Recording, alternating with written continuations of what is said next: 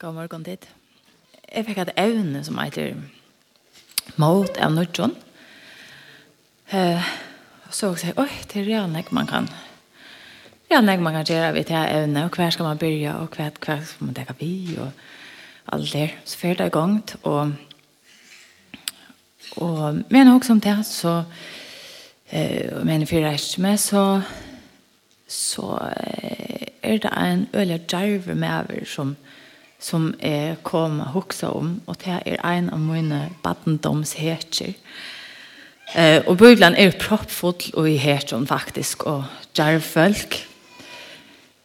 Eh, Josfa, David, Deborah, Esther, alltså man kan ramsa upp om ødelese djervfølgene som virkelig fikk mot fra god til å gjøre en oppgave som var så eh, stor. Och ofta så, så läser vi ett sövna om, om motstövna som de barden, det är arn, kanske det som det skulle göra och Och hur så god gav det med mot och så hände det fantastiska som händer Ester hon tår att färra fram för konchen och be om nej för sitt folk och ursäkt folk blir bjärka och och och det är några personer över men Men så stekker vi ofte her, og hva hendte at han nå? Og, og kanskje ta, ta etter store fantastiske, ikke ordentlig levde opp til forventningene, hva hendte ta? Og så er det at, ta som Elia i morgen.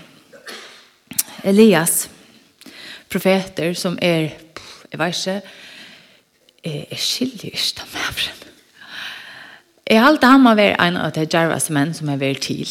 Eh, ordentlig. Eh,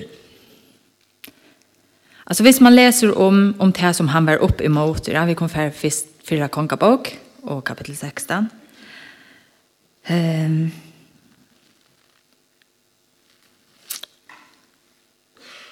vi kan lese fra kapittel 16 og vers 22. Akab, sonur Omri, var konger i Israel, åttenda og truja denda are, og juda konger Asan satt vi styrre, og 22 år styrte Akab, sonur Omri, Israel og i Samaria, til Orla Longe, nok en av de kongene og i Israel som er vært langst. Akab, sonur Omri, gjør det som ønt i egen herrens, meir enn nekare av teimen og undan hånden, hørt du være. Det samme stender om papan, sier han. Alltså det är så att å ödlig inte var ordla fitt och så kom han och han var ordlig han var ju så god. Men att han eh alltså Omri var så pappa Akab och han om han ständer isen hade han var eh han gjorde så nekringt och han var han som var den ringaste kongen som är i Israels söv.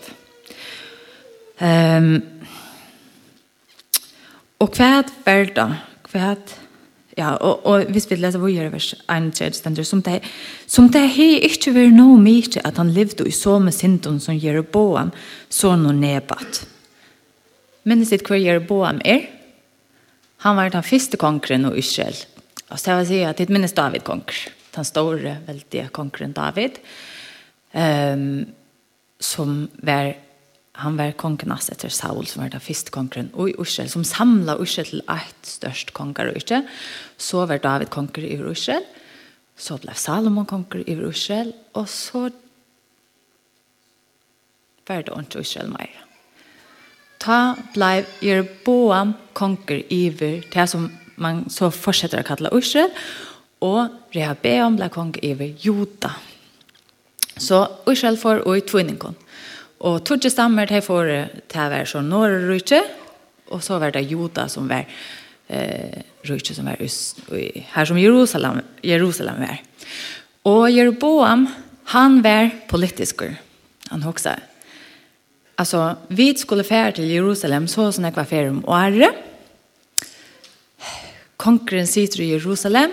Kvæt nu, hvis mine folk De fer til Jerusalem så så ofte om året. De får sympati for kongen her. De blir knutt etter Jerusalem. Så misser jeg mot kongerøyke. Hmm, hvordan skal jeg så gjøre? Aha! Vi droppar tempelet i Jerusalem, så gjør vi bare akkurat her norr. Så, så det som han så snilt gjør det, det var at han støpte tver, Gita, tvær gullkolvar. Vars har det hørst om gullkolvar før? Ja. Det var akkurat som det som de danser rundt om og i øyemørsene og Israels folk. Ta Moses var oppe av fjallet og skulle møte god og og få lov til her, og Ursel skulle bli ved etter som god er utvalgt seg, og som skulle vise virkelig heimen kosse, hvordan det er at livet sammen vid god, i hans nerver og være berere av hans her gøsk og ut i heim. Og hva gjør det til dansa om godkalvene her. Um, jeg som gjør på av alle tingene og i verene. Godkalver, really. Men tar man gløymer søvnene, tar man gløymer, gløymer hva god har vi gjørst, så henter så gjør man til så med feilene om etter. Og til samme, ja, så Jeroboam han stoppte tver godkalver, så sier han, og Israel, her er tikkere goder som ledde tikkene ur Egyptaland. Så blir det tilbya godkalvene i stedet for affær til Jerusalem.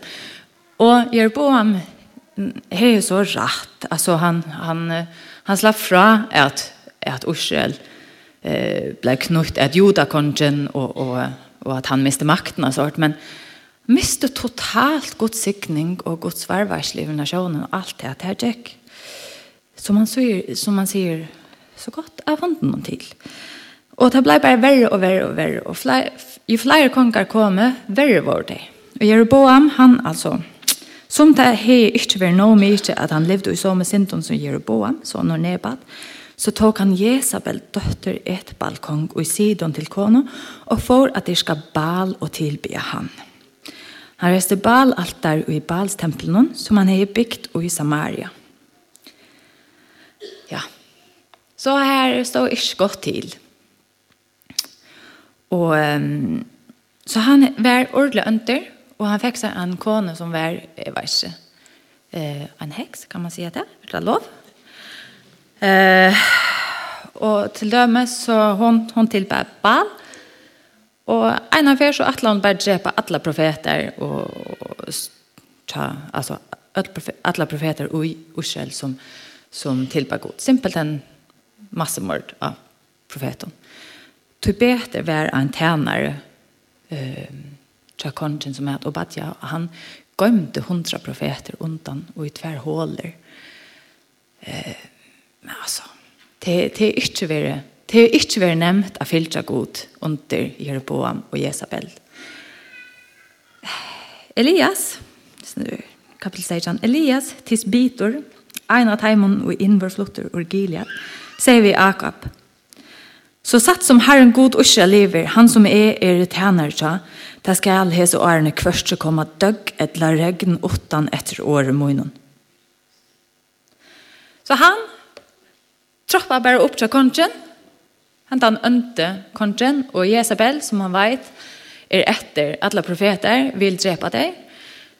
Og han får bare si, hva skal jeg er til han er god, Så får ikke regna, til vi heller ikke kommer døgg av marsjene, inntil jeg sier at jeg skal. Og så, så får han bare ut etter. Um, Och så vet vi leta läsa fra vers 2. Så igen kom år herrens till hans her. Han säger färdas det er henne, takk leiene estretter, och kräck vad det vi løte en kritt estan för Jordan. Så han för så bara konchen lever sin påskaper stora ish för näka är er ordentlig, jeg vil si ordentlig badass profeter och och så fer han bara sted. Gud sier, fer gå inn til vi en, en, en løk her, og, og her er vatten. Og så sier Gud vi han, og så har vi sier for at ravnar skal komme ved kjøtt og brekeltøy. What? Uh, ja, godt å vite god. Deilig. Jeg har alltid at det er hotellet som jeg vil sjekke inn nå. Um, men det er han så, han lever her, og, og uh, han heter han heter gott, han är trygger, han lever här, en vatten, brei, kött, allt möjligt. Så tottnar lörten in och och det ständer ont som att han är bensjen, eller han storar eller näka och så kommer år herrans till hans her atter vers 8 i kapitel 16. Reis det för til Sarepta som hører till Sidon och vi är her. Jag vill giva en anke här på om å føde det. Så han reiste så for til Sarepta. Og, og her er så en anke som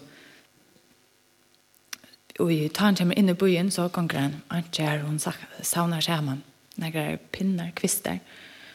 Og Elias han skiler beina veien at hatt er tankonen som, som god sier skulle fære til. Og og sier han kan du ikke kjeve mer sindra vatten? Og hun atlas er gjøre om vatten sier hun kan syrs bare gjøre meg sin tra brei eisene. Ta knekkaren da konen sammen, så jeg var skvæt, jeg bare pikler sin der, og for faktisk bare bæka meg brei og i det. Så sier hun, varskvæt, jeg får faktisk at bæka brei til moen og til sonen som er, vi får et av det, og så får vi et av det lett, og kunne dødja. Og Elias, han sier bare varskvæt, kan du spørre det var mer brei først? så skal du sørge til at god han fyrer at jeg var tikkene eisene. Og det som elsker vi tog i søvende eisene, det er at det er eh, Elias, han, han, jeg vet ikke, han lever bare i det her unaturlige, og, og ta nei er, så fyrer han bare inn, og han vet at god fyrir er syrja fyrir hånden, han vet at god fyrir er syrja fyrir så kvinna som, han, som, som god er sendt han til, og Og han er ordentlig kjære. Gjør meg bare brev fist, så skal du sørge til de tver ikke mangler møter. Og det er det som henter. Krokken og iser repta. Vi, vi kjenner til at det fra et levested som heter Serepta, her som vi tverer. Her er en, et gømslerom som heter krokken. Hvor er et rundt det? Til et tre søvende. Krokken og Serepta, som, som her alt og nok er. til at god syrger fire. Og Og det som hender til Orla Løye, hun beker brei, og her akkurat nok til brei, mjøl og olje at gjøre brei til teitrui. Elias og andre konan og batne. Og så er oppe, men neste tegn, så er akkurat nok å gjøre brei til deg. Og så er livet deg i flere år. Fra det til det, og Elias vet at Gud sier 24 med, så hender det at den sonen kjører tja, hans ansen hun, han, han ble sjukker, han, og han ble så sjukker at han dør. Og jeg skiljer fakt, altså, tar man leser det som hon, eh, hon sier vi Elias. Og i vers 18 og i kapitel 16. Gat heve vi til å gjøre godsmævren, tørs komme til mine minne av sint mine, av volda sine mine, og deian. Den frustrasjonen, altså, eh, kanskje eisen heter øtten fire godsnærveren som er så eh, heile, og han er en godsmøver til meg inn og henne er heim, og er det for at allt det ringa som hon har gjørst nu skal straffast via sånne døyr. Bare som det er her hun nere, men ødelføren så öjser hon den frustrationen av Elias till to som är skilt och i att heter er Och han svär bara en famersjon till nyer. Och han teker sonen upp och i kammaren så ser, och här bläkar han sig. um, för god, och så säger han, herre god min, det er alvare at du først gjør det så ytla vi er seg anker, og jeg er just att at du leter när her dødje. Och så igen sträckte han sig trudda fer ut över tronchen och röpte röpte. ser jag. Ofta ser jag det så röpte till Herren, men han röpte till Herren. Herre god min let salen og i som tronchen kom och i han atter. Och Herren hörde bønn Elias här. Sal tronchens kom och i han atter så att han livna ju upp atter. Varje en gång om jag å bli god om det. Att om som dig skulle leva atter at det dirve som han hever, jeg vet ikke, han er, eh, ja, for meg er han en ordens, ordens hert. Og så lever han til en Anthony Sarepta, de, de har akkurat nok, god sier 24 daimon, god eisene hjelper daimon, ta mitt og neina, ta sånne dør, Og så stendte vi i vers 18, nei, årsaker meg, kapittel, kapittel 18, og vers 1, lenge at du i etter etter, Tre år kom årherrens til Elias. Han säger, Fär og stå framför Akab så skall jeg lete räkna av hjörne. Och Elias han fyrer sted, Och akkurat här, så akkurat han dagen som Elias kommer in eh, alltså norskast röjtsen til Akab eller här som Akab är så är Akab færen att leta efter eh, gräs och vatten tog at nu er hans her tår eisne vi at ble utmagra til rosnertjanen og, og asner til til har hans eta, til har hans trekka og han er bensjen for at nu for det er han her tidkjent han er badja som, som hever en hø post i hans her eh, ja, i hans her palass så jeg Fær to en vei, så fær jeg hin veien, så leita vi det, om vi ikke kunne finne ett landa sted her som det er okkurs vatten etter. Og Obadja, det er hver han denne tjeneren som gøymte disse profetene ta en for innan. Ta Jezebel rundt og drepa til ødel. Og, og han, han får så leita, og hva møter han? Han møter Elias. Og, og Badja vet vel hur Elias er, og han blekar seg nye i fyrene. Uh, vi kan lese Achan og vers 6. Men han bad jeg nå var affærene, fikk han en sorts Elias som kom og møtte og imot honom. Han kjente han atter og fattelig nye og anledd sutt og sier, er det to, herre min Elias? Han svarer, ja, det er det. Færre sier herre til innan at Elias er her. I'm back. Ordentlig. Um, og, og bare, ja, han ble så bensjen. Hva skal jeg si? Han sier, nei, nei, det är det är det inte. Alltså kvad Hva kvad kvad at du vimme. Så varst du ikke at jeg er en en trofast tjänare. Jeg, jeg elsker faktisk godt. Og, og så fer är nu att se vi Akab at du er her. Og, og hva vet är så så tills godt, og han rister bare borster så er du ikke her, ta jag för lite där og og og kvar förskiltna är er färdigt. Tui, og Badja, han veit meir enn nekker annar hva at Akab er eh, kapabel av gjøre. Han kjenner han, han han er ein av de hakste tænerne ui hans palast. Han hever se bei eit og anna, og han veit at her er ånden nøye. Men Elias han sier nå, han sier en fjerde bare. Og jeg skal møte Akab, og i det, er lovet det. Så, og bad jeg han fer så atter til, til Akab, og så vi han at jeg har funnet Elias. Og ta er allt glömt. Vatten, hilar, gräs, allt er glömt. Rossen er glömt, assen er glemt, ødeltjårene, allt är glömt. Nu skal han finna Elias. Så, og bad jag teker han visser, för han till Elias. Och, och ta Akab för ser Elias, vi kan lese i vers 16, vi er, vi er forstfæren i kapitel 18. Ta og i Akab fikk Elias av Sudja, sier han vi han, er det to, to som først vannlokk å komme i vår Israel. Og det er noe som er dyrt, Elias. Det er det som han sværer, det er bare, det er ikke jeg og jeg finner ikke vannlokk å komme i vrusja. Nei, det er to og at to en tid som har vent herren om bæsje og halda tikkon til balene. Her er ikke, altså han er beint og i anlitt og aka, bare ønsken øtte her, ønsken aka, fer bare beint og. Og Og så sier han at han skal sende på av uh, uskjelsfølg, han skal sende på av uh, ødel til 400 trus balsprofetene og hinnar 400 asjoprofetene som eta vi på Jezabels. Og um, og han sender så på etter, uh, etter profetene at de skulle møte Elias og Karmels fjall. Og Og det som er akkurat som det her, nå leier det opp til de store løtene.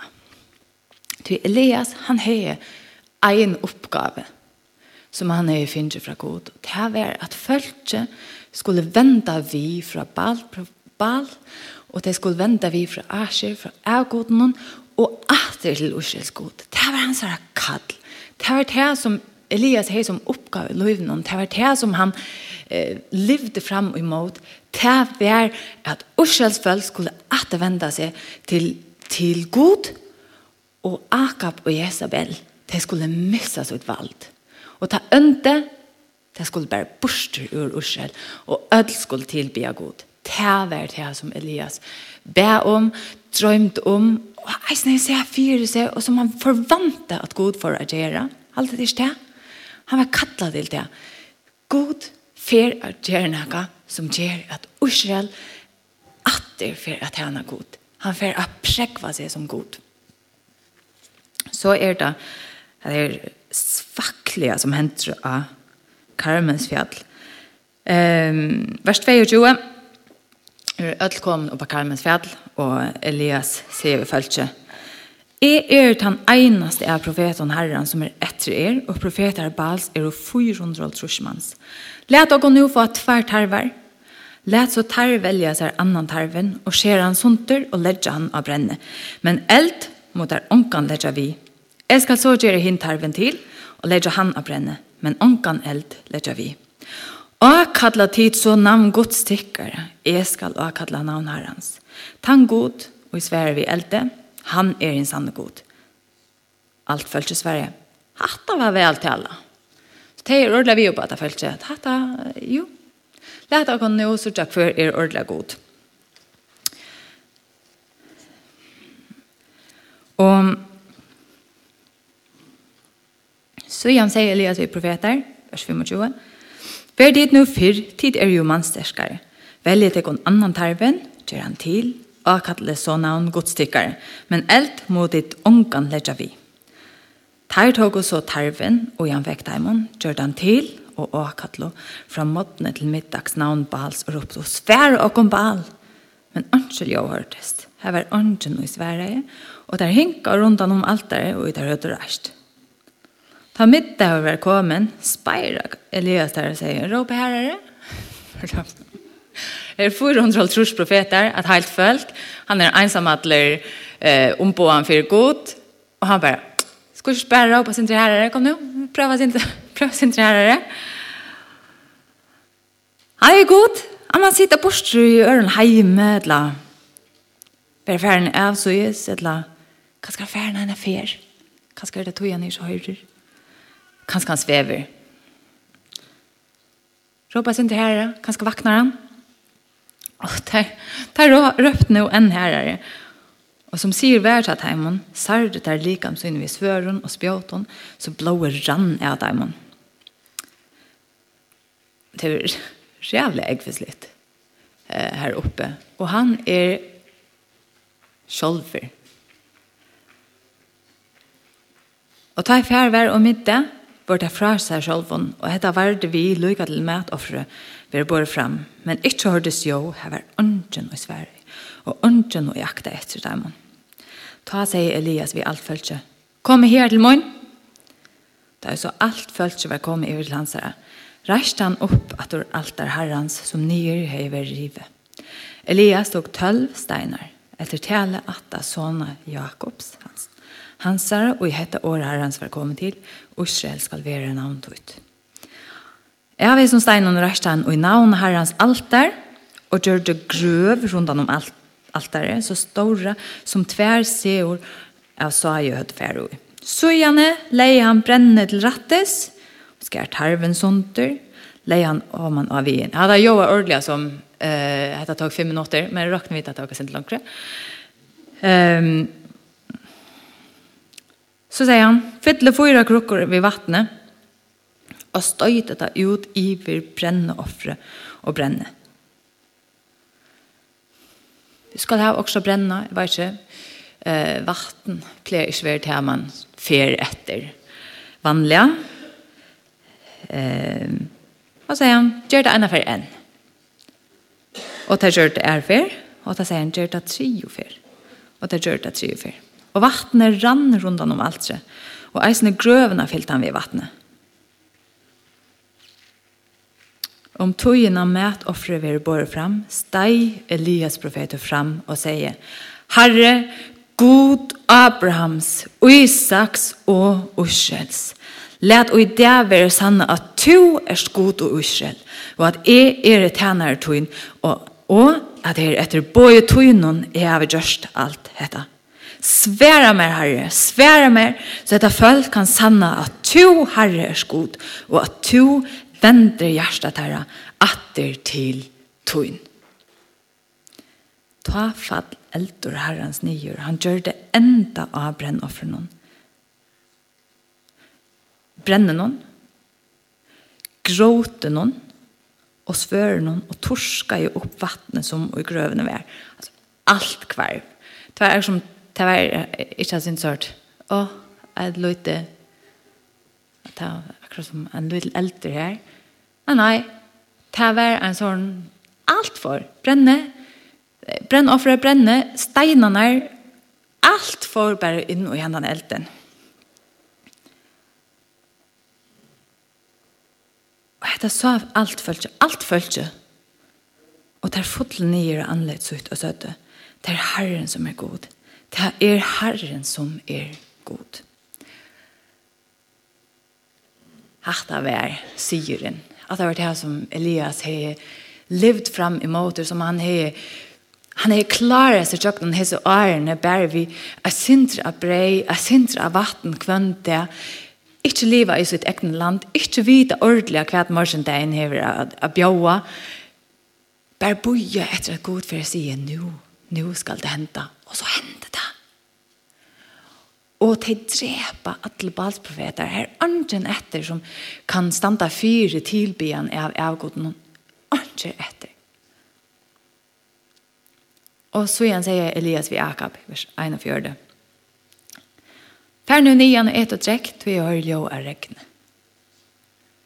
Så det er åpenbart en av varslet lettlanda som, som følt seg over, tog jeg at nå er, har god prekva seg, og Og han sier, Jakob, fær til eisene, halda varsle.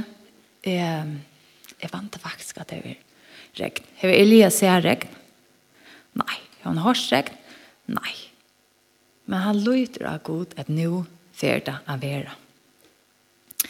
Og Elias fer så opp av Karmes tinte og bøtte seg til ljære ved anledning og middelen knøyene.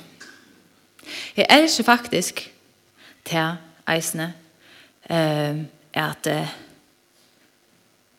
at i Bibelen så, så er det ofte lyst hvordan folk bruker et kroppsmål.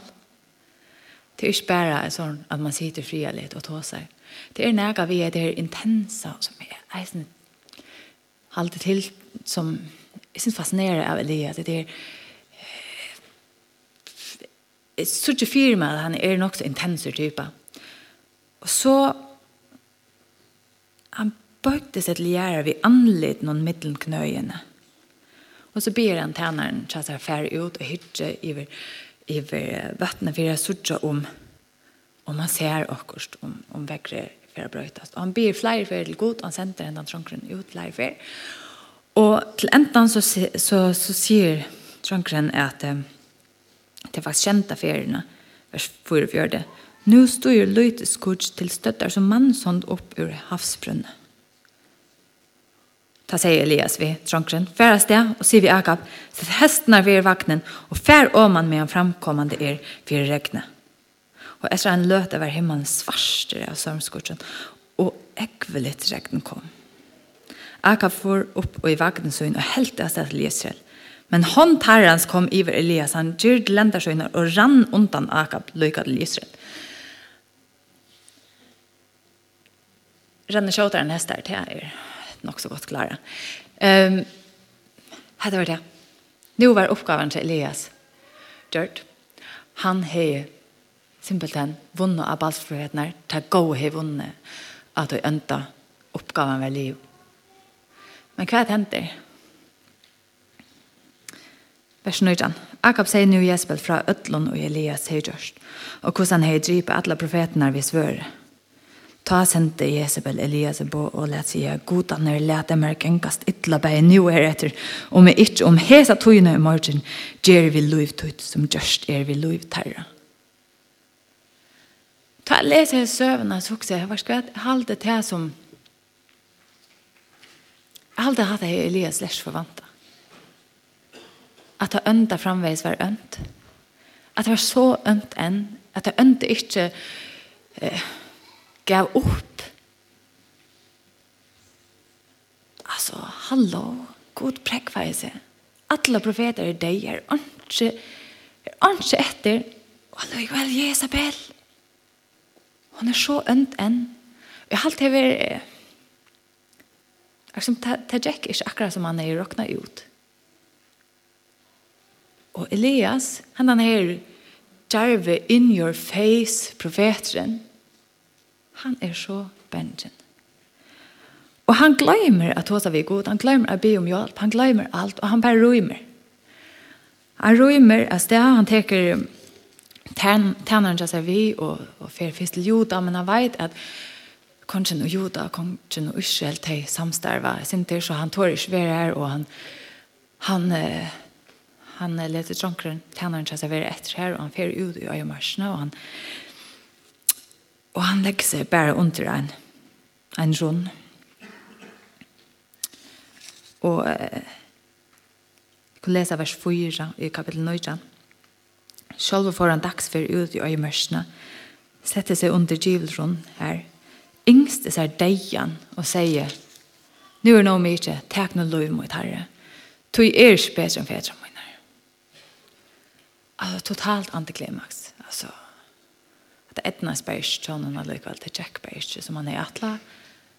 Han hever så høyt oppe. Jeg halte, jeg halte vi kunne bare ikke uimynda dere om hvordan høyt oppe han hever. Altså jeg husker som, ta akkurat etnast, ta man hever arbeid for nærka, ta man hever strust, man hever faktisk, eh, hvordan man det?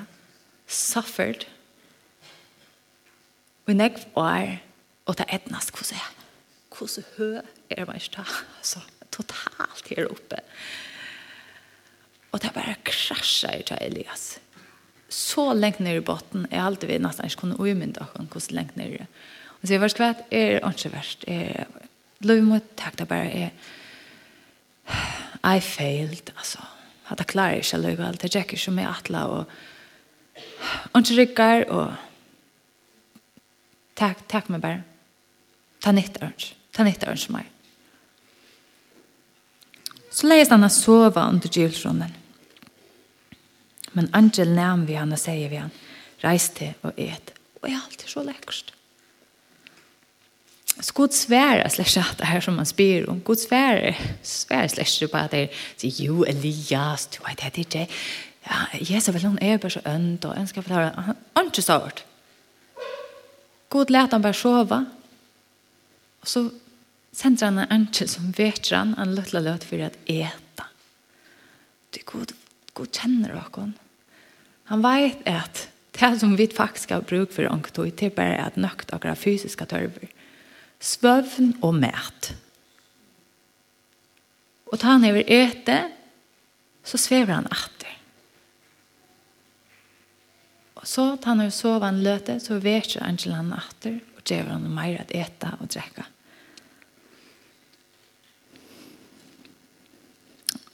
Og ta sier angelen reiste og et, annars vær vevren her og lenger for seg. Og så er det dette ivernaturlige atter vi goda, at han kan gjøre helt utrolig ting. Han reiste så og fikk seg at eta og drekke, det er vers 8, og styrster av hese måltog, ikke kan fjørte deir og fjørte næter, lykke til håreb fjall gods så fyrst naktar god den fysiske tørven. Han vet at Elias er pura utlikvaver. Og det som han har bruk for, det er bare å sove, å få seg eta, sove sin tre atter, få seg eta, og sove et god. Det som han har bruk for, det er å komme til fjallgods, til hovreb, å få et møte vid god. Og... Um, Elias han fer inn i en hettle, og han ver her til nåttene. Og takk om år herrens til hans her, etter vers 9. Han sier vi han, hva vil du her, Elias? Og Elias sier han, Jeg vil uken for herren gode skærene, tog har hava vent sottmala, tog noen bætje, alt er tog hava der rive nyer, profeter tog når hava dripe vi svører, er det ensam alle etter, og nå lyser det mer etter løyvene. Og det som er halter eisen fantastisk god, han sverer slett sjatta eldre. Han sier bare, Fær ut, statt av fjallon fyr årsund herrans. Så djekk herren fram vi er. Han sier, hva skal Elias? Kom ut ur settlene, og vær om min nerver. Og, og så henter nekka øyelig sterske stormer kom, som kleiv fjødl og såra i sundre klettar for herran. Her er sindre at her som Elias opplevde av Karmelsfjallet, er øyelig kreftene som virkelig har prek hver, hver god er, men kvæt, herren vær ikke stormen. Etter stormen kom gjørselte, men herren vær ikke gjørselte noen. Etter gjørselten kom eldur, Ta Moses møtte god, så var det i eldstrundene. Men herren var jo ikke eldmann. Men etter elden hørtes mildt so.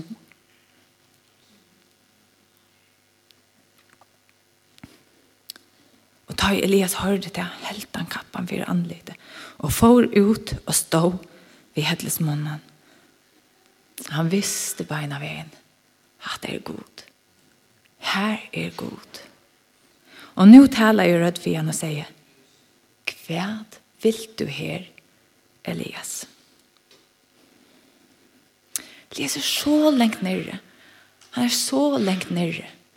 Og god veit, nu er vi ikke av Karmels fjall.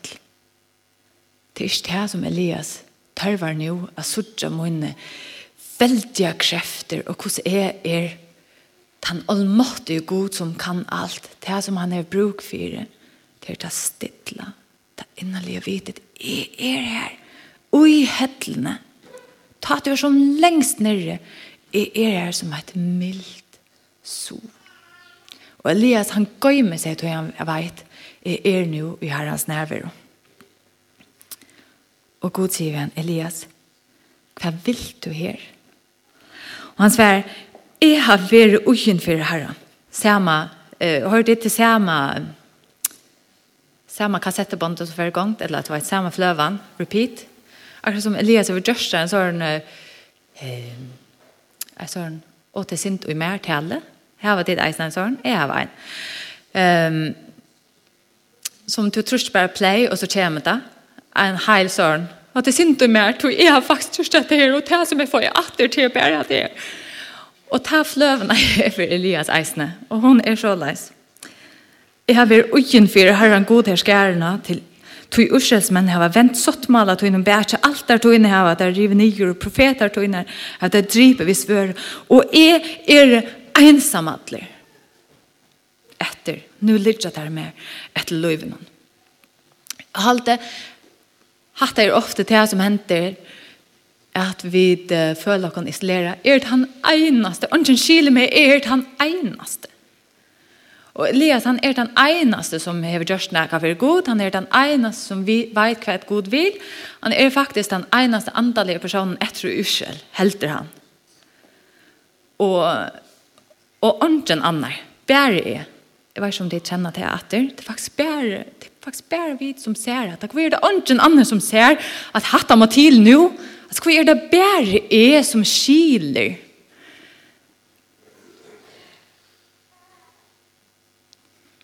Ta seg herren vi igjen. Vent atter som lei som du komst. Og fær til øyemørsene vid Damaskus. Fær så inn og salva Hazael til kong iver Aram.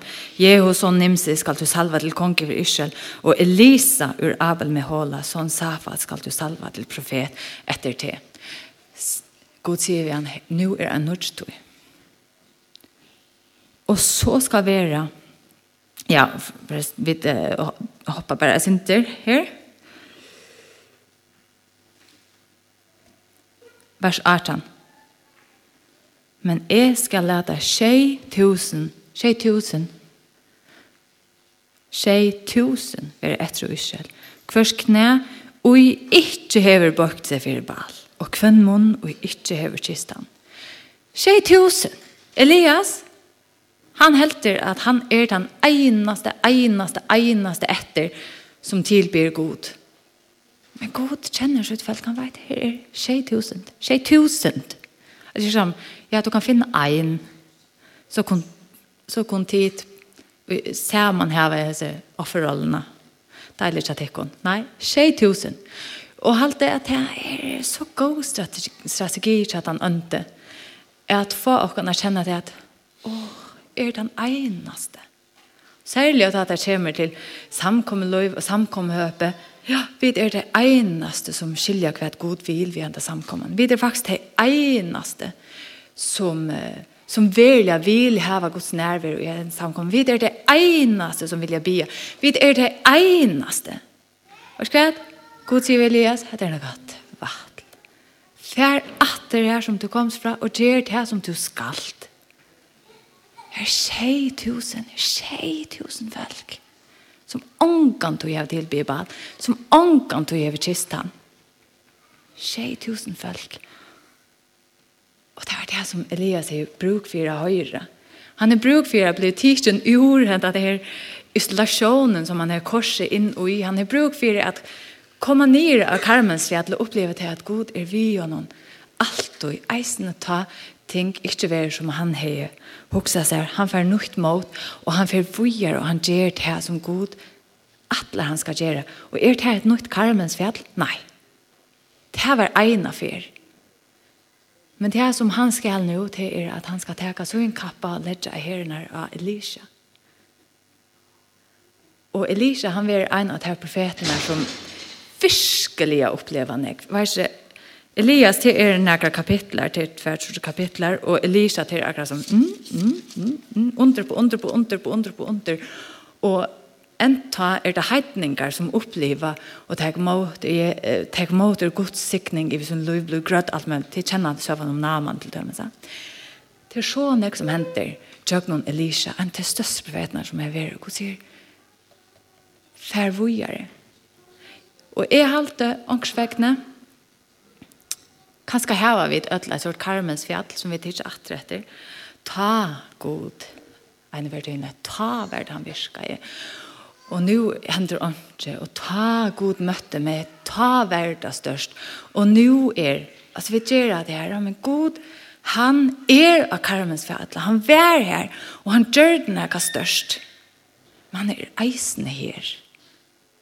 Han er, og han vær her, han gjør det eld, alt bare Alltså det är så svackligt, det skiljer sig att det blir till att uppleva det som Elias upplevde. Alltså kvärt kvärt gör det vi att människa att uppleva det här, elden över himlen och att allt där bara kvörver i elden och och att helt folk bara vänder sig åter till god, bläkar av god där och jag vet inte, Men god sier er eisen og heter milde sove. Ta du er så lengt nere at du aner ikke opp og nyer. Du helter du ensamhandler i verene. Så er jeg her, og jeg finner det her, og jeg det her nytt mot til det som det skal gjøre hvor gjøre. Ta